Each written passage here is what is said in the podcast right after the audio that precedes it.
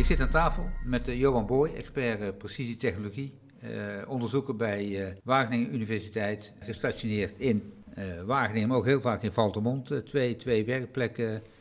En begeleider van een paar heel fanatieke NPPL'ers. Eén in een bloembollenteler in. In Lemelerveld. Lemelerveld. Ja, Sjaak Hutting. Ja. Sjaak Hutting, precies. Nanne en Geert Sterenborg in de Veenkoloniën. Ja, bij ons wedden. Bij ons wedden en Anselm Klaassen, een pootgoedteler in, uh, ja. in Vierhuizen in Groningen.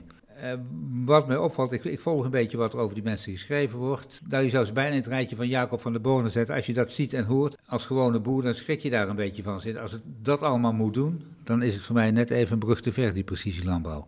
Zijn ze goede voorbeelden? Ik denk uh, op hun eigen vakgebied allemaal wel. Ze zijn met hele verschillende dingen bezig, maar ze zijn wel inderdaad, uh, ze lopen wel voorop in de technieken. En ook altijd geïnteresseerd om het nieuwste wat er, wat er is ja, uit te proberen. En te kijken of het iets voor hun bedrijf is. Maar de, de drive die ze hebben, moet iedere collega die in de precieze landbouw aan de slag komt, heb je dan zo'n drive nodig en zo'n kennis van de software, ICT? Nee, want de, de, wat ik zie is dat uh, het zijn drie uh, hele verschillende telers, uh, ook qua kennis van ICT. het gaat vooral ook om, heb je interesse hierin? Ik denk dat je vooral eerst makkelijk moet beginnen. en als je een succesje geboekt hebt, dan gaat het vanzelf verkriebelen om ja. meer technieken toe te passen. Wat, wat is makkelijk beginnen? voor iemand die nu wat, een trekker heeft met GPS erop en een spuit met sectieafsluiting, dat is een beetje gangbaar op zich denk ik dat de meeste conventionele spuitmachines, uh, ja, die zijn uitgerust wel met een modern uh, hoe heet dat, GPS-scherm. Ook daar kun je al gemakkelijk een taakkaart inlezen en toepassen. Um, en nou, dat kan bijvoorbeeld inderdaad met loofdoding, maar dat kan ook bodemhebbers zijn. Um, dat, dat zijn toch wel vrij makkelijke toepassingen die je direct kan terugzien. Dat kan iedereen, iedereen die dat wil, die kan ermee aan de slag? In principe wel, ja klopt. Ja. En, en het, het gevoel krijgen dat het werkt, is aan, aan een, het uitvoeren van een taakkaart, dus een dosering aanpassen, moet dat automatisch gevolgd worden door opbrengstmeting, zodat je ook een, echt een resultaat kunt zien. Nou, het hele proces van, van precies landbouw heb je kijk, een aantal zaken.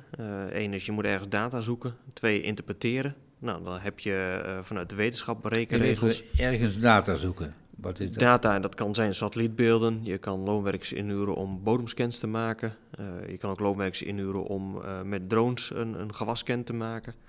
Okay. Uh, er zijn sensoren op het land die bijvoorbeeld bodemvocht meten, waarop je zou kunnen beregenen. Daar komt allemaal data vandaan. Nou, de vraag is van, goed, als ik bijvoorbeeld een, een vochtsensor heb, die geeft mij een, een vochtpercentage weer. maar dat moet je nog interpreteren in de, ja, je moet dan kijken van hoeveel millimeter moet ik bijgeven. Ja. Um, geeft dan het, is er dan een app of een programma beschikbaar die die berekening voor je doet? Of moet je dan als boer toch nog een stukje zelf interpreteren en uh, uh, een advies erbij zetten? Ja, en is hier, is, is, uh, want zo'n ding is gauw in de grond geprikt? Voor een vochtsensor. Voor een vochtsensor bijvoorbeeld, ja. Ja, voor een vochtsensor zijn er een aantal bedrijven die ook een, echt een adviesprogramma erbij leveren. die het ook in millimeters weergeven. Maar die, die op een gegeven moment krijg je bericht op je telefoon, nu 25 mm of 15 erop. Ja, ja, precies. Dus je ziet op de dag, zie je van het advies is 15 mm uh, en dan allerlei grafieken ja. erachter met het verlopen in de tijd om het zelf te interpreteren ja. van dan klopt dit wel. Ja. Wat vind je daarvan? Want ik, ik hoor boeren vaak zeggen dat ze verrast zijn door, door die adviezen en eigenlijk zeggen normaal wacht ik altijd te lang. Hoor je dat ook terug van, van mensen die dat soort systemen gebruiken? Dat je altijd te laat beregent. Uh, als je het op, op het gevoel doet, ja. Ja, als je op gevoel doet, kijk vooral denk ik ook naar het gewas. Uh, je kijkt wel naar de bodem natuurlijk. Uh, maar als het gewas gaat hangen, ja, ben je eigenlijk al te laat. Eigenlijk wil je dat voorkomen, want het, het gewas heeft dan eigenlijk al een langere tijd een productieverlies geleden. Ja. Dus op tijd beregenen helpt wel mee om je productie op peil te houden. Ja. En, en kun je dan, krijg je dan eerder een advies of kun je dat zelf ook doen, maar kost het gewoon meer tijd als je met al je percelen langs moet? Of is het gewoon dat je gewoon een beter advies krijgt? Uh, dat, dat, je sowieso een advies krijgt voor hoeveel millimeters. Uh, kijk, er zijn ook heel veel sensoren die alleen een grafiek laten zien met hoe de bodemvochttoestand is in de bodem. Uh, maar het uitdrukken als een percentage vocht in de bodem. Ja, dan moet je zelf gaan bedenken, oké, het is 15% vocht, ik moet nu 30, 40 millimeter geven. Daar moet je dan zelf een gevoel bij krijgen door te beregenen en te zien hoe hoog de grafiek op dat moment wordt. Dus dat betekent dat je heel wat ja, leertijd nodig hebt om, om gevoel bij die sensoren te krijgen. Ja, maar dat kan ook werkende weg. Als je, berekening, als je aan het berekenen bent, dan zie je in ieder geval dat klopt. Het vocht ja. oplopen in, in die grond, het verloop nee, ik, denk, ik denk dat dat ook wel met precies ook een belangrijk leerpunt is. Um, techniek kan ondersteunen, maar je moet ook leren met die techniek te werken. En dat is bij eigenlijk heel veel verschillende, ook met taakkaarten is dat zo. Ja. Uh, ja je moet leren hoe je uh, taakkaarten uh, moet inlezen, maar ook hoe je ze kan maken of bij wie je terecht moet komen. Ja. Maar hoe je ze moet inlezen en misschien ook hoe je ze moet maken, dat, kun je, dat kan ik ook leren, denk ik het koppelen aan landbouw, het toetsen van wat ze adviseren, het, het, het koppelen aan landbouwkundige kennis, dat is natuurlijk ook weer iets, eh, een belangrijk stuk, denk ik. Dat klopt, ja. Dus dat je boer blijft. Ik denk het wel. Um, kijk, we, we, zien wel dat er, uh, een, ja, uh, dat er ook steeds meer high-tech komt. Dat we naar een ja, soort data-gedreven landbouw gaan. Uh, maar ik denk die boer heeft geleerd hoe die moet boeren op zijn bedrijf. Um, ik denk dat er ook heel veel maatwerk nodig is. Het ene bedrijf is niet het andere bedrijf. Het ene perceel is ook het andere perceel niet. Er zit een heel historie aan bemestingen, gewassen, problemen met, met, uh, met aaltjes of aardappelmoeheid. Ja. Dus elk perceel kent wel zijn voorgeschiedenis. Ja, en, en, ik denk dat de eigenaar of de boer het meeste van dat soort percelen afweet. En dus ook een, goede beslissing kan maken van hoe kan ik daarop inspelen. Maar in een toekomstige landbouw, we gaan even op die data door zou eigenlijk alles, alles uit de historie zou in kaartlagen zou je uh, in de computer moeten hebben zitten. Dat zou mooi zijn. En dat je daar ook aan inderdaad analyse op kan doen van uh, waardoor wordt mijn opbrengst verklaard. Is dat inderdaad de belangrijkste factor? Is dat vocht of uh, stikstof? Ja. Of is dat een bodemziekte of wat anders? Ja. Wat is de belangrijkste oorzaak? En als je dat weet, kun je daarop gaan inspelen en variëren. Maar dan moet iemand die misschien niet volgend jaar, maar meent dat hij of zijn opvolger ooit met precisielandbouw aan de gang gaan. Eigenlijk vandaag beginnen met, met data te verzamelen van de percelen. Om, om het over tien jaar, want één jaar is niks, twee jaar niet. Na tien jaar, dan, dan, dan, dan heb je, kun je wat vertellen. Ja, nou, wat, wat mij wel opvalt bij de, de meeste voorlopers die ik nu ook begeleid, uh, is dat vaak de administratie wel heel goed is. Als ik kijk naar een Jack Hutink, uh, ja, die heeft gewoon van elk perceel uh, bodemmonsters en bodemscans. Ja, en die slaat hij dat ook op. Sowieso heeft hij eigenlijk van elk perceel, hij huurt dan percelen, dus ja. hij weet dan vaak niet wat over de geschiedenis. Hij kijkt wel naar ja, satellietbeelden en, uit het verleden bijvoorbeeld, of gaat ja. naar het perceel toe om te kijken van, hey, vind ik het een geschikt perceel. Maar hij laat al zijn percelen standaard scannen met een, een verenscan. En dan heeft hij die informatie ook hoe de variatie op het perceel is. Nou, ik zie bij een aantal andere voorlopers ook dat ze gewoon uh, uh, ja, bodemanalyses uh, gewoon goed bijhouden in de tijd. vaak nog wel in ook, mapjes en op papier. Het Oostbeek-advies. Precies, het Oostbeek-advies. Ja. Maar dat dat vaak nog op papier en mappen zit en nog niet digitaal. Ja. Dus de, ik ben het wel met je eens van ja, wil een toekomstige generatie dat overnemen? Ja, gaat hij nog steeds uh, met papier werken of moet er uiteindelijk toch inderdaad ook digitaal data worden vastgelegd? Nou, ik ja. denk dat het laatste wel kan helpen. Ja, dus dat zou bijna advies zijn van begin nu al te vertellen wanneer je wat spuit, wanneer je wat bemest. Uh, plus eventueel satellietbeelden opslaan per perceel. Ja, en ik denk het belangrijkste om, om hoe heet dat, de, de ja, de toekomstige boeren op te leiden, is ook waarom doe je iets. Hè? Wat is de beweegreden om een bepaalde dosering aan te houden? Uh, ja. En over na te denken, ja, kan ik dat bijvoorbeeld anders gaan doseren? Op basis van wat ik zie in het veld of op basis ja. van data. Ja. In, in een vorige gesprek heb ik gesproken met Corné Kempenaar, de projectleider van de NPPL. En die sprak over voor een follow-up voor de NPP, voor NPPL van een soort nou ja, groepen per, per regio om, om dingen aan te pakken. Zouden die ook vooral met data aan de slag moeten of, of zitten die ook nog vooral in de techniek? Ik denk op zich dat techniek, uh, ja, dat is op zich snel te leren. Het zijn altijd vaak trucjes die je moet uithalen om de techniek te krijgen te werken. Maar ik denk dat er nog een groot vraagstuk ligt in interpretatie van data. Uh, in de groep in, in, Groningen zijn we aan het kijken naar pootgoed en variabel poten. Ja, het gaat daar om uh, kleigrond. Dus het gaat ja. om uh, zwaarte van de grond en dan kijken we dan met name naar lutum. En eigenlijk de, de, ja, de, de verwachting is dat percelen met hogere lutumgehalte, dat daar je nauw zou moeten poten om een gelijkmatige sortering te krijgen voor je pootgoed.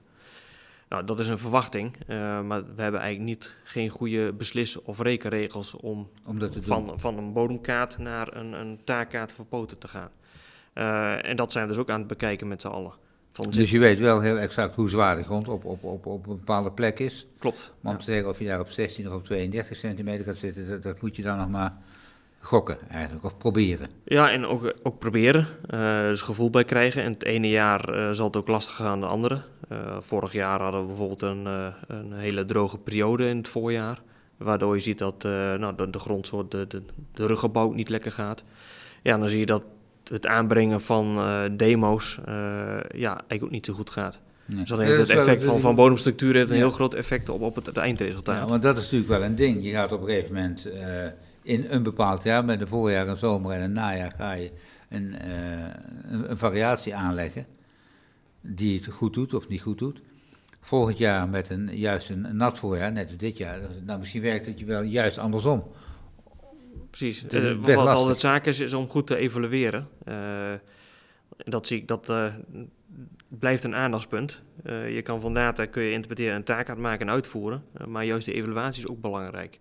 Ja. Eh, dus kijk bijvoorbeeld naar opbrengst of opbrengstverschillen. Zie je daar iets positiefs of negatiefs terug? Uh, en kun je dat ook verklaren aan de hand van het weer of wat je hebt gezien in het veld? Ja. en leer daarvan en, en pas je rekenregel desnoods aan. Ja. En maar dan ook weer het, het, het weer en, en de bevochttoestand, als je hem goed vastgelegd hebt, als je dat op je geheugen moet doen, dan is het lastig om een aantal jaren weer terug te kijken. Hoe was het ook weer precies op, ja, want een jaar is natuurlijk geen jaar, dus je zal dat over meerdere jaren moeten kijken. Dus ik ben het met je eens als je zegt van over vijf jaar wil ik eens evalueren van afgelopen vier jaar heb ik een bepaalde visie en iets toegepast. Ja. Dat wil ik evalueren. Ja, dat kan alleen goed denken als je data hebt goed hebt vastgelegd. Maar dan gaat het eigenlijk vooral veel om de, de analyse, want uh, zeker als we praten over Groningen, volgens mij loopt die zwaarte van de grond steeds uh, van de zeekant naar de volgende dijk loopt die op. En ja, dat, dat, is al een poosje zo, volgens mij al een paar honderd jaar zo. En dus je weet eigenlijk, je kunt, als je vier of vijf zondes maakt, dan kun je uh, sowieso variëren in, in, in pootafstand.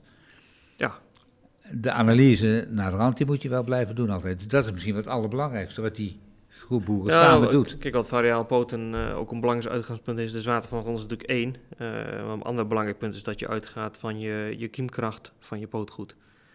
Um, dus kun je daar een inschatting van maken hoeveel stengels je verwacht. Uh, en Rijk sturen ze daarop, het aantal stengels per meter wat je wil realiseren. Uh, ja, dan moet je wel weten wat die kiemkracht is. In plaats van uitgaan van ik wil zoveel kilo's in de grond zetten. Ja, maar dat maakt het weer heel wat gecompliceerder. Weer een derde factor erbij. Dat klopt, ja. Die ook een, een ja, die ook niet, waar je ook niet met de knop aan kunt draaien. Dat is ook een natuurlijk proces. De kiemkracht van je pootgoed. Kun, kun, kun, je daar nog iets aan doen? Ja, dat, kiemkracht heeft natuurlijk te maken met de fysiologische leeftijd. Dus wanneer het uit de grond is gekomen, wanneer het de bewaarschuwing in zit, hoe lang het in de bewaarschuwing zit. Dus dat kun je op, op zich opsturen. Um, maar je, je kan ook zeggen van als ik het eenmaal weet en een goede inschatting kan maken, dan kan ik met, met pootafstand kan ik erop reageren. Ja. ja. En daar zijn die boeren heel secuur mee bezig, die, die, die zes nou, vooral nog aan het kijken of, uh, uh, of wat voor meerwaarde de variabele poten heeft voor de pootgoedteelt. Want die meerwaarde, dat, moet een uniforme sortering zijn. Ja, dus uh, wat, wat de meerwaarde kan zijn, is een uniforme sortering. Eigenlijk dat, dat je ziet dat de... de of een fijnere sortering eigenlijk. Ja, eigenlijk een fijnere sortering, zeg maar, richting de, de, de maten die het meest opbrengen. Ja, ja. Ehm, nou, je hebt natuurlijk ook al een gewichtsklasse. Maar ja, dat je toch richting die, die 35 gaat in plaats van grotere knollen. Ja. En zijn er signalen dat dat, dat lukt? Uh, ja, we zijn net een jaar bezig met een bijzonder jaar. dit bijzonder jaar, droog jaar. Hè? Bijzonder droog jaar, vorig jaar. ik zie dat het dit jaar een stuk interessanter is. het voorjaar qua, qua rugopbouw en poot ging volgens mij goed. Ja. ik krijg nu ook reacties van terug dat het ja, goed, weer is. Dus ik verwacht er dit jaar wel meer van meer resultaat ook. Eh. Ja. ja, want dat ga je doen door, door eh, meters op te rooien aan, aan het eind van, de, van het seizoen. Ja, dat is wel wat we hebben. Uh, we hebben nu bij, uh, bij Anton Klaassen uh, ligt een, een proef. dus daar hebben we echt op drie verschillende zwaartes van de grond. Op één perceel hebben wij een, een bepaalde pootafstand in meerdere herhalingen aangelegd. Um, dus daar gaan we straks echt proefrooiing doen. We doen nu ook mm tussenrooiing om te kijken hoe de, de knollen zich ontwikkelen in de tijd. En of er ook weer afvallen. Dus ja. zich afvallen. En aan het eind een, uh, een rooiing. En dan hopen we dat er een uh, ja, uh, mooie, sterke lineaire lijn uitkomt. Misschien ook niet. Ja. Maar dat er dan in ieder geval duidelijk blijkt van... Nou, of het meerwaarde heeft om op uh, zwaardere grond te nauwen te poten, ja of nee? In 2021. ja, precies. Ja, dus dan heb je dus 20, 21. Nou, als je het een aantal jaren doet, op een gegeven moment dan gaat hopelijk zich een patroon aftekenen. Ja, klopt. Nou, wat, wat wel leuk is, uh, dat de rest van het perceel is gewoon variabel gepoot. Maar in een taakkaart kun je ook heel makkelijk uh, blokken uithalen op sectiecontrole. Die die op dat moment niet gepoot heeft. En die hebben we dan handmatig nagepoot. Uh, dus hij heeft met zijn machine... Even uitleggen. Hij, hij heeft een perceel variabel gepoot? Ja, wat, uh, wat je in een taakkaart mee kan geven is natuurlijk, je kan uh, een taakkaart een instructie meegeven om variabel te doseren. Dat, uh, dat kan dan uh, gewasbeschermiddel zijn met een spuit, maar dat kan ook hoeveelheid pootgoed zijn die je met een pootmachine inbrengt. maar je kan natuurlijk ook daar een referentie in aanleggen of een stuk gewoon niet poten. Um, dus hij heeft gewoon op basis van taakkaarten... Heeft maar als het niet poot, ja, dan, komt, dan groeit niks. Nee, maar dan kun je wel weer napoten. Hè. Voor okay. deze proef hebben we nagepoot. Ja. Um, maar wat wel mooi is, dat hij gewoon de rest van het perceel heeft hij allemaal gepoot en de ruggen uh, opgebouwd. Um, en het stuk daar waar wij uh, de, de, proef gingen aanleggen, uh, ja, daar konden we dus gewoon makkelijk op basis van taakkaart de blokjes uithalen en, en daar nog handmatig napoten. Maar dat soort dingen kunnen boeren, boeren eigenlijk zelf al mee aan de gang. Van nou, je hebt een taakkaart gekregen, leg er dan toch even een referentie in, want dan kun je het goed evalueren. Ja. En als je dat dan een paar jaar doet, uh, dan heb je voor je eigen perceel wel het gevoel van, ja, werkt het nou wel of niet? Ja, en dat kan iedereen doen. Met iedere maatregel bij wijze van spreken. Als je, nou, spuitboombreedte is weer veel, maar goed, je kunt hem eventjes uitzetten of eventjes uh, overdoseren. Dat kan altijd. Ja, klopt. Uh, ja, het kost natuurlijk wel tijd. En uh, ik denk, ja, mocht je als, als boer luisteren of als teler luisteren en zeggen van... Ik heb mijn taakaart via een, een adviseur gekregen ja, vraag hem dan ook eens om een referentie erin uh, in aan te maken. ja. ja. ja. Als het zelf niet lukt, dan kun je natuurlijk altijd bij je adviseur nog eens navragen. Ja, dus daar kun je eigenlijk zeggen, dat moet iedere akkerbouwer tenminste nieuwsgierig naar zijn, van, om, om een eigen experimentje aan te leggen en dat te beoordelen. Ja, het, uh, kijk, als je een auto koopt, dan neem je ook een proefritje, toch? Ja. Um, nou, bij taakkaarten uh, is denk ik voor je eigen uh, bedrijf en perceel ook handig om te weten van nee, ik ga iets uitproberen, maar er ligt er ook een referentie naast. Uh, ja, en zie ik dan een positief effect van het variabel of juist niet? Ja. Of moet ik misschien zelfs scherper? Dus bij Hutink, bij Sjaak Hutink... de bolleteler. De bolleteler. die heeft nu twee jaar op rij um, eigenlijk al zijn percelen met, met uien en, en, en lelies past die variabele bodem hebben ze ertoe. Ja, dat, hij houdt dan heel goed data bij over hey, wat heb ik allemaal in het verleden gespoten. Uh, en nu variabel. Ja, zie ik daar dan verschil in onkruiddruk, ja of nee? Uh, en kan ik iets terugzien in opbrengst? Nou, dat laatste blijft lastig en blijft nog een gevoel. Um, maar je ziet wel duidelijke besparingen. En je ziet ook okay, duidelijk ja. verschillen tussen percelen. En dat is denk ik ook wel waar een, een, een, rekenregel zich onderscheidt van een, uh, ja, zomaar een taak uitmaken. Wat je vaak ziet is, je, je hebt eigenlijk twee sporen. Je hebt één of je hebt een, een soort absolute rekenregel. Je zegt van nou, ik ga een bepaalde organische stofgehalte, dat ga ik echt vastpinnen op een bepaalde dosering. Dat kan dus ook betekenen als ik een heel zanderig perceel heb, uh, ten opzichte van een perceel wat bijvoorbeeld 10% zit, dat je op perceelsniveau ook al behoorlijk bespaart op dat zanderig perceel. Terwijl je op dat 10% ja. organische misschien juist meer moet doseren. Ja, ja, je hoeft niet gelijk tot op stoeptegelniveau uh, te gaan werken. Nee, ook, ook dat niet. Maar je ziet daar ook wel gewoon verschillen tussen percelen terug. Ja. Terwijl als je variabel doseert en zegt van nou, ik heb mijn bodemkaart en ik ga plus en min 25% doseren, ja, dan bespaar je niks. Je verdeelt alleen het middel beter. Ja, dus, dus zou dan uiteindelijk zou dat aan, aan je gewas, daar zou je terug moeten zien. Daar zou dan de winst uit moeten komen. Nou, ik denk dat inderdaad de, uh, dat je eigenlijk toch moet kijken van, ja, besparingen zijn eigenlijk minimaal, maar dat het toch uit die opbrengst moet komen om een, ja. een, een, een, een verdienmodel ja. te creëren. Ja, maar dat is bij Hutting die je dan, vertel je net, die daar echt gespitst op is, die ziet nog niet dat die, uh, waar die lager doseert op lichte plekken, uh, een, een grovere sortering ui krijgt dan dat je in het verleden had. Nou, het gevoel is dat dat wel zo is. Het gevoel Alleen. Uh, ja, hoe onderbouw je dat gevoel? Dat is nog wel een uitdaging. Ja, nou ja, daar is Wageningen voor, toch? Daar is Wageningen onder voor. Uh, maar ook bijvoorbeeld sensoren op je rooien proberen te zetten. Ja. Je hebt natuurlijk wel opbrengsensoren die het gewicht meten.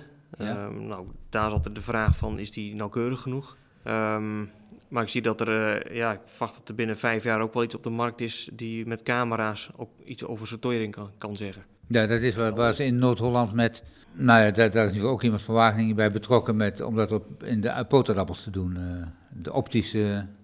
Ja, en daar zie ik echt wel de toekomst in. Want dan kun je plaatsspecifiek op elk plekje van het perceel uh, zien wat een sortering is. Ja. En hoop ik dan ook met een inschatting van het gewicht.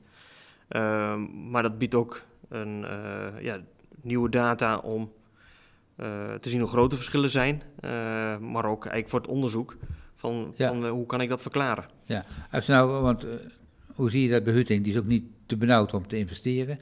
Zodra die optische techniek er is, gaat hij dat... Ja, dat denk ik zeker. Ja. Hij zit al in een project rondom bollendetectie. Uh, dus kun je van de lelies in de sorteerlijn met optische camera's selectie doen van bolletjes. Ja. Nou, dat is een project wat nu, nu loopt, ook met Wageningen. Um, ja, als dat goed blijkt te werken, en volgens mij zijn de signalen goed, ja, dan is, ziet hij wel echt grote kansen daar. En de, ja. de grootste kans die hij hierin ziet, is toch ook een stukje arbeidsbesparing. Um, mm -hmm. Want hij merkt gewoon dat... dat in de sorteerlijn? In de sorteerlijn ja. ook, klopt.